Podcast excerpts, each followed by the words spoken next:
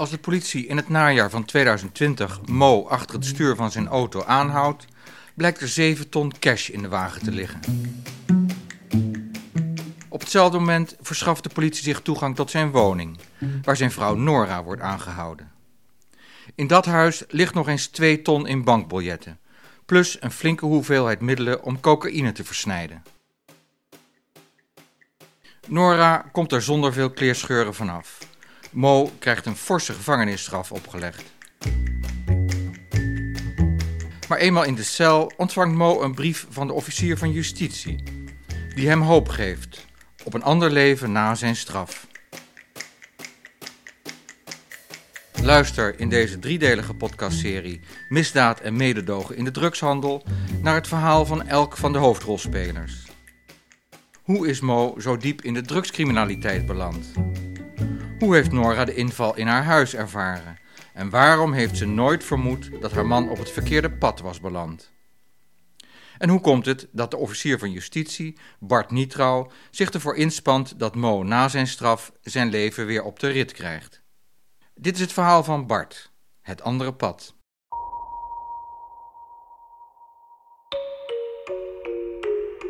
Het werk van een officier, maar ook van een politieman, is dweilen met de kraan open.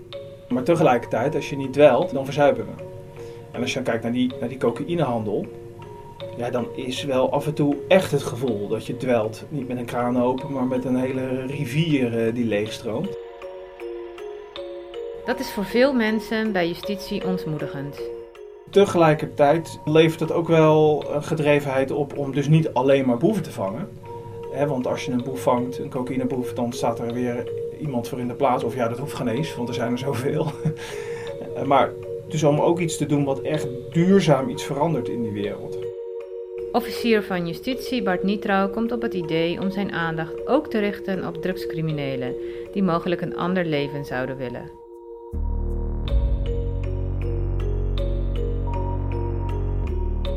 De, de, onderzoeken die ik doe zijn eigenlijk allemaal geplande onderzoeken.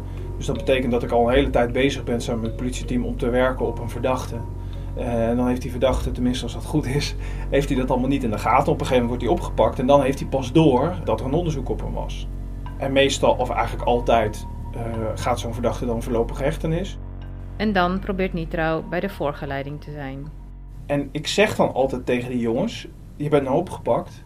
Denk alsjeblieft eens na de komende dagen wat je wil met je leven. Een, carrière in de cocaïnehandel leidt tot ellende. In de regel zijn er twee uitkomsten. Eén, je zit voor heel lang in de, uh, in de bak. En twee, uh, je wordt doodgeschoten. Uh, en zie dit moment misschien ook als een moment om gewoon daarmee te stoppen.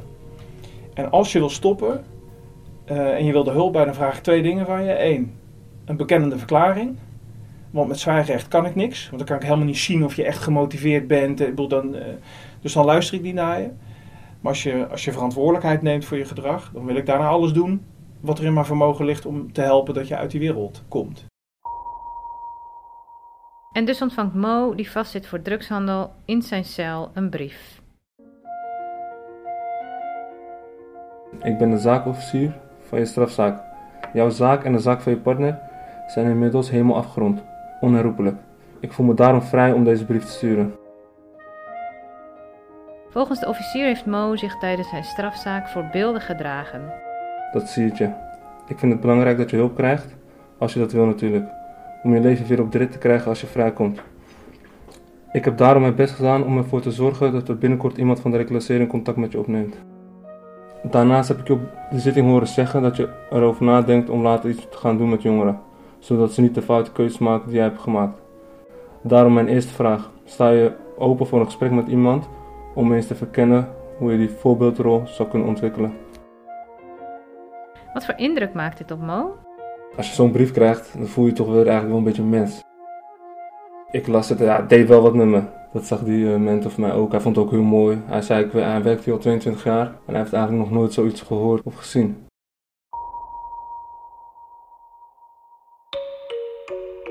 Nitraus methode sluit naadloos aan op bestaande programma's voor drugsbestrijding.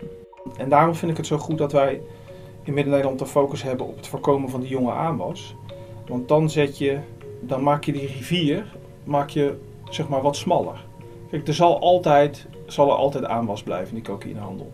Er is niet een oplossing voor dit probleem. Legaliseren gaat nooit gebeuren. Trouwens, ook als je dat wel zou doen, denk ik dat je nog steeds een criminele stroom eh, ernaast zou hebben.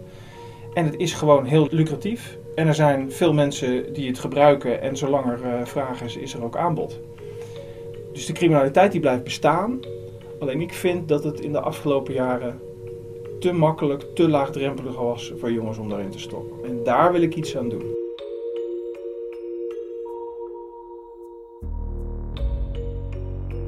De functie van officier van justitie is voor Bart Nietrouw niet een baan als alle anderen.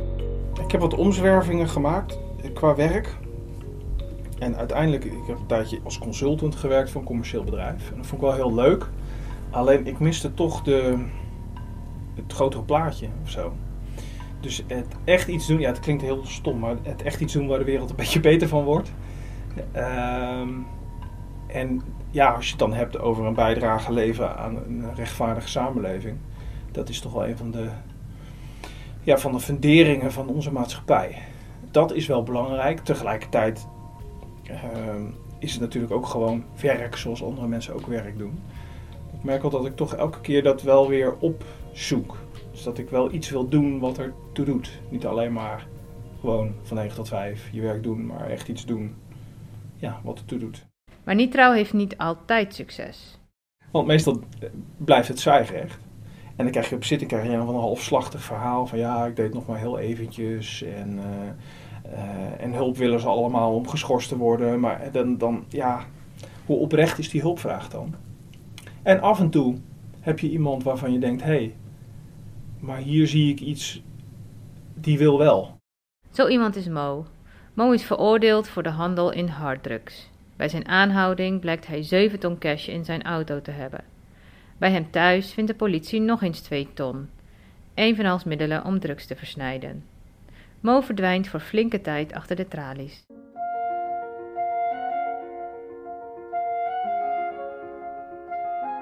Tot slot, ik ben betrokken bij een project dat zich richt op het voorkomen van jonge aanwas in de cocaïnehandel. Aandeel van dat project is een wetenschappelijk onderzoek. Dat onderzoek is belangrijk, want daaruit kunnen we ook leren wat we kunnen doen om te voorkomen dat jongeren in de cocaïnehandel terechtkomen. Ik heb jouw zaak besproken met een van de criminologen natuurlijk, zonder jouw gegevens te geven. Haar naam is Shaila Ajimbaks. Zij zou graag met je in contact komen om je levensverhaal te horen en daarvan te leren. Daarom mijn tweede vraag, sta je open voor een gesprek met haar?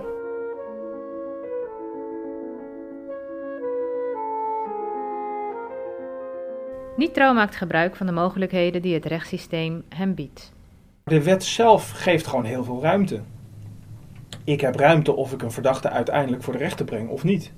Als ik een verdachte voor de rechter breng, kan ik een taakstraf eisen, een gevangenisstraf. Ik kan stukken voorwaardelijk doen. Ik kan uh, bijzondere voorwaarden kan ik eisen. En die bijzondere voorwaarden, daar hebben we natuurlijk een aantal platgetreden uh, paden. Hè, zoals recasseringstoezicht, meldplicht, uh, meewerken aan een, aan een bepaalde training.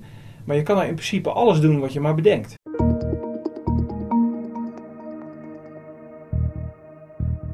Nitra's methode is nieuw en betrekkelijk onbekend. Dat wekt wat argwaan bij verdachten, maar ook hun advocaten.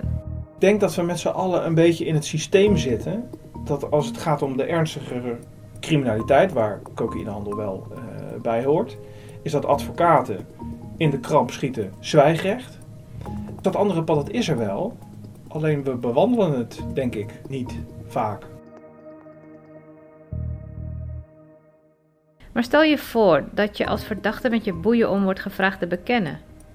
Ondanks de mooie woorden van een officier is het toch moeilijk inschatten wat er boven je hoofd hangt. Maar laten we wel wezen, als je fout hebt gedaan, dan moet je de verantwoordelijkheid nemen. Dat is niet zozeer een strafrechtelijke vraag, maar dat is gewoon, dat hoort bij het leven. En je kan wel proberen ermee weg te komen, hè, want dat is wat er vaak geprobeerd wordt. Nou, ik zeg helemaal niks. Eerst maar eens kijken wat er in het dossier zit. En als er dan iets in het dossier zit waar ik echt niet omheen kan, nou oké, dan beken ik wel dat kleine stukje.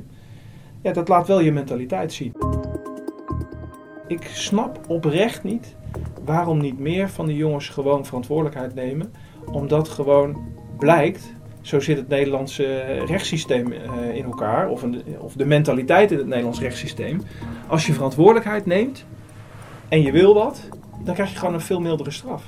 Terwijl als je een verharde houding laat zien, zwijgrecht, zwijgrecht, en al helemaal als je dan op zit komt met een onzinverhaal, wat gewoon evident onjuist is, en dan krijg je gewoon de volle map. Maar het is niet de officier die het laatste woord heeft. Uiteindelijk is de rechter die beslist. Hè? En mijn ervaring is, ja, tenminste ik als officier ben gevoelig voor mensen die openheid van zaken geven. Maar mijn ervaring is dat rechters dat ook uh, doen. Hoe is het bij Mo in zijn werk gegaan? Nou, die zaak was een beetje een toevalstreffer. dus er was niet een heel gepland onderzoek op hem. Uh, maar hij viel op en toen werd hij gepakt met een hoop geld. En toen bleek in de woning ook nog meer geld te liggen en ook grondstoffen voor, uh, voor drugs. Best veel ook. Maar hij werd later gehoord als getuige in de strafzaak uh, tegen zijn vrouw. En daar was ik bij. En wat mij daar opviel waren twee dingen. Eén, hij bekende eigenlijk een heel groot gedeelte. En twee, hij was emotioneel. En dat zijn twee dingen die je bij jongens met een Marokkaanse achtergrond niet vaak ziet. En, en daardoor dacht ik dus, hé, hey, dit ziet eruit als iemand, en dat zei hij ook, dat hij heel erg geconfronteerd was met zijn eigen gedrag. En ook de ellende die had, had veroorzaakt, nou ja, bijvoorbeeld voor zijn, voor zijn vrouw, voor zijn omgeving. Zo zal Mo's vrouw Nora niet snel vergeten hoe ook zij een dag na Mo in haar huis is opgepakt. Werd dus met de sleutel in de deur bij de ingang wilde ze dus binnenkomen. Ik dacht dus op dat moment dat was Mo die gewoon terugkomt. Ik ga de gang op, ik wil de deur open doen en ineens stond uh, de politie en de AT die stond binnen. Ja, en het was echt handen omhoog, op je knieën en uh, zaklamp in mijn gezicht. En hun allemaal gewapend. En nou ja, het was gewoon echt dat ik dacht van... Sorry hoor. Maar dat, dat moment, als ik aan dat moment terugdenk...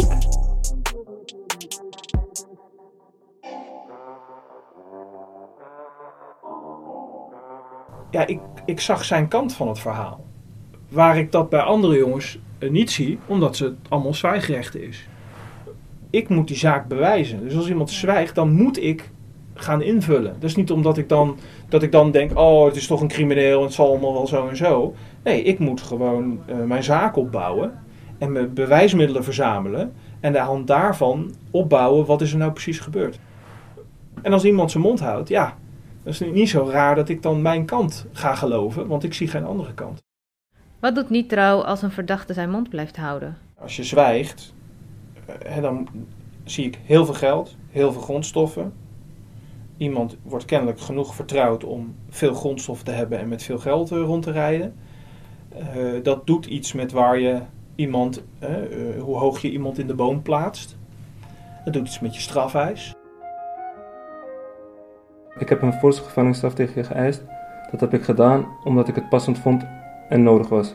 Dat is ook mijn werk. Tegelijkertijd begrijp ik als mens heel goed dat zo'n gevangenisstraf je leven totaal op de kop, op, op, op de kop zet. Stel nou dat Mo was blijven zwijgen. Als hij had gezwegen, had ik een hogere uh, straf Nog hoger geëist. Ja. ja. Kijk, het moet natuurlijk niet zo zijn dat als je als officier denkt, nou dat is dan een aardige vent, dan eis ik de helft van wat ik normaal moet eisen. Het moet wel een rechtvaardige eis blijven.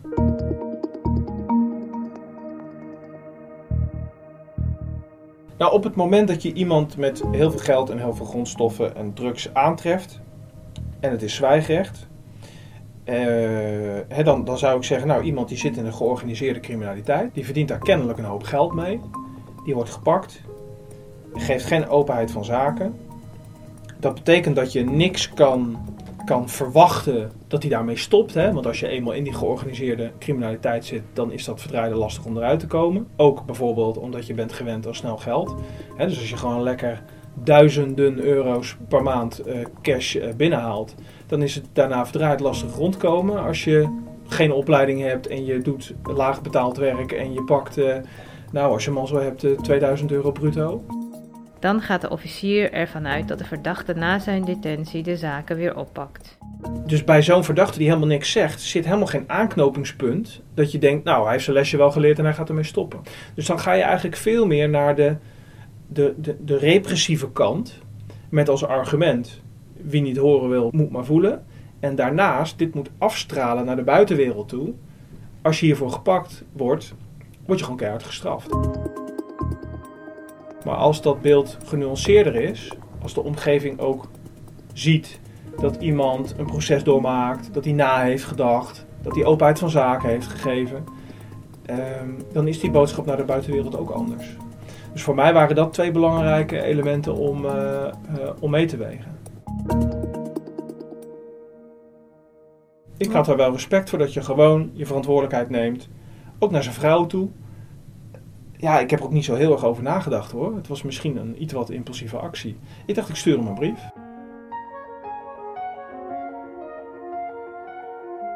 Ik vind het belangrijk dat je hulp krijgt, als je dat wil natuurlijk. Om je leven weer op de rit te krijgen als je vrijkomt. Ik heb daarom mijn best gedaan om ervoor te zorgen dat er binnenkort iemand van de reclassering contact met je opneemt. Wat voor invloed heeft Nitro op de uitvoering van wat hij in zijn brief belooft? Waar ik mijn best voor heb gedaan is, de reclassering heeft natuurlijk altijd bemoeienis als mensen dat willen, als ze in de gevangenis zitten. Maar dan zou het wel leuk zijn als hij een reclasseerder krijgt die er echt even goed mee aan de gang gaat. Die echt ook mee wil denken. Ik kan het niet hosselen dat het allemaal maar gebeurt. Dat zou ik niet zuiver vinden. Maar ik kan wel bij de reclassering aangeven: hé, hey, ik heb hier iemand die volgens mij bijzonder is. Zouden jullie daar echt een goede op willen zetten en echt aandacht aan hem willen besteden? En dat heb ik gedaan. En ik vind niet dat ik nog meer moet doen. Dan, dan wordt het onzuiver.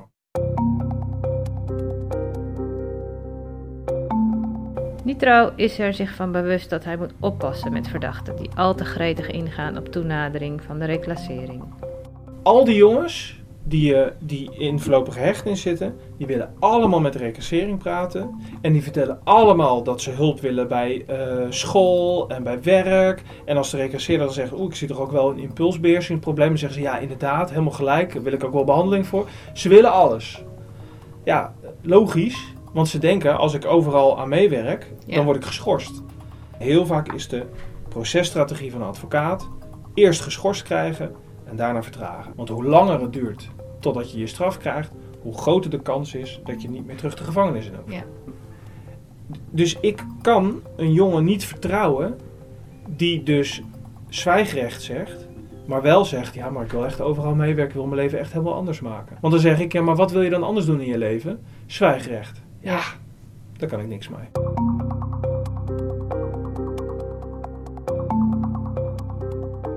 Wat heeft het contact met Mo en zijn briefinitiatief Nitro gebracht? Wat mij dwars zit, is dat ik uit een goed nest kom en heb gestudeerd. En ehm, kijk, ik oordeel in mijn werk. Hè. Uiteindelijk is het de rechter die het definitieve oordeel heeft, maar ik oordeel ook super vaak. Misschien wel vaker in een zaak dan een rechter doet. Want ik oordeel, is iemand een verdachte of niet? Ga ik hem tappen? Ga ik hem aanhouden? Ga ik zijn huis eh, überhaupt dat vragen om te doorzoeken? En oordelen over anderen, dat moet je niet lichtvaardig doen. En het is heel makkelijk om te oordelen over iemand anders, terwijl je die omstandigheden helemaal niet kent. En ik kom in mijn werk gewoon, dus niet omdat ik dat heel graag wil of zo, maar gewoon heel vaak jongens met Marokkaanse roots tegen. En ik ben gewoon eh, zo Hollands als het maar kan wezen. Dus ik weet niet hoe het is om op te groeien, wat ik dan ook begrijp, toch een beetje tussen twee culturen in. Ik vind dat we altijd als vertrekpunt moeten houden totdat het tegendeel blijkt dat iemand verantwoordelijk is voor zijn eigen gedrag. Ik vind dat trouwens ook respectvol naar de verdachte toe. Dat je dus niet eh, gaat zeggen, nou ik weet, hè, wij weten het allemaal wel beter, jij bent zielig. Nee, als jij zielig bent dan moet je het vooral zelf gaan zeggen, want dan kunnen we daar rekening mee houden.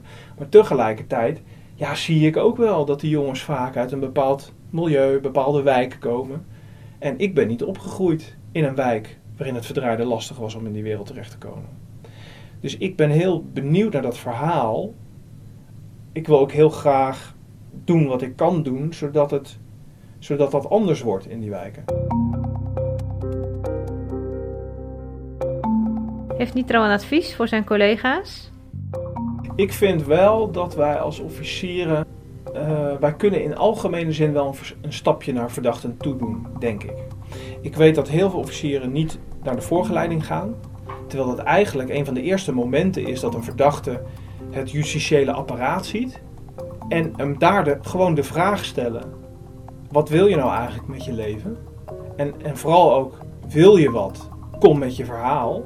Ik denk dat we dat wel vaker zouden mogen doen. En misschien tegen beter weten in. En laten we eens beginnen bij de wat jongere jongens en, en mensen met, met minder strafblad. Want ik snap ook wel als je daar de doorgewinterde beroepscrimineel hebt zitten, dat dat misschien niet een hele logische vraag is. Alhoewel je maar nooit weet, want misschien is dat nou wel net het moment waarop hij zelf ook bedenkt, nou maar nu moet het klaar zijn. Waar moet je op letten? Als iemand toch iets van kwetsbaarheid laat zien, want dat is wel wat een verdachte doet, hè? die stelt zich kwetsbaar op. Als je zegt, ja het klopt, ik heb het gedaan. En ik heb er spijt van en ik wil anders, dan stel je je kwetsbaar op. En ik ben geneigd om die kwetsbaarheid wel, ja, om dat serieus te nemen. Ik denk dat dat wel een vertrekpunt is. Geachte heer Nietrouw, door middel van deze brief wil ik antwoorden op uw brief. Ik heb uw brief in goede orde ontvangen en ik wil u heel graag bedanken voor uw steun en uw medeleven. Ik waardeer het echt. Wat betreft mijn strafhuis wil ik u niks kwalijk nemen en heb dat op geen enkel moment gedaan. Ik snap ook dat het uw werk is en dat het er allemaal bij hoort. Dit is eenmaal de grote mensenwereld die ik nog niet kende. Ondanks alles heb ik respect voor u en voel me vrij vereerd dat u me de brief hebt toegezonden. Uw best heeft gedaan om mij aan te melden bij de recassering en om mij verder te helpen. Ik wil u daar heel graag voor bedanken. Het klopt wat ik op zitting heb gezegd. Ik zou graag jongeren willen helpen en te behoeden om zulke fouten te maken. Alleen in welke vorm ik dat zou willen doen, ben ik nog niet uit. Daar moet ik me nog verder in verdiepen. Als de persoon die u aan mij voorstelt mij daarin kan helpen, sta ik er graag voor open. Ook sta ik open voor het gesprek met Shaila Ajinbaks. Als ik door middel van mijn levensverhaal te vertellen een goede bijdrage kan leveren voor de samenleving en om de jeugd te behoeden voor wat ik mee heb gemaakt, wil ik dat met alle plezier doen. Ik hoor graag van u. Wil u nogmaals bedanken voor uw brief en uw steun en wens u ook het allerbeste. Met vriendelijke groet. Ja, dit zijn de dingen die. Dit onthoud je. Weet je, grote zaken, strafeisen, weet ik veel, dat ben ik allemaal alweer vergeten. Maar dit, dit is een brief, eh, die ga ik nooit meer wegdoen. Dit is super uniek. Het is toch bizar dat iemand die je hebt opgepakt, die, eh, waar je strafeis tegen hebt uh, neergelegd, dat, die, dat je daar zo'n brief van krijgt. Ondanks, uh, je zou kunnen zeggen, de een is de officier en de ander is de boef, maar je bent allebei een mens. En er is hier contact tussen twee mensen. Hij ziet me niet als de boevenvanger, als de officier, maar hij ziet mij als uh, mens. En ik zie hem ook als mens.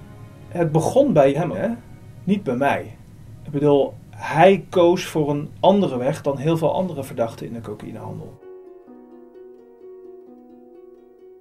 Dit was het derde en laatste deel van de podcastserie Misdaad en mededogen in de drugshandel. Deze podcastserie is gemaakt door Shaila Ajimbaks, criminoloog bij ESSA Research. Ze heeft de serie gemaakt in samenwerking met het regioprogramma Straatwaarde van Riek Midden-Nederland. Montage Peter de Ruiter.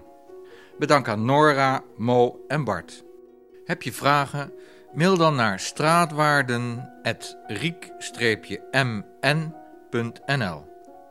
of kijk op essaresearch.nl.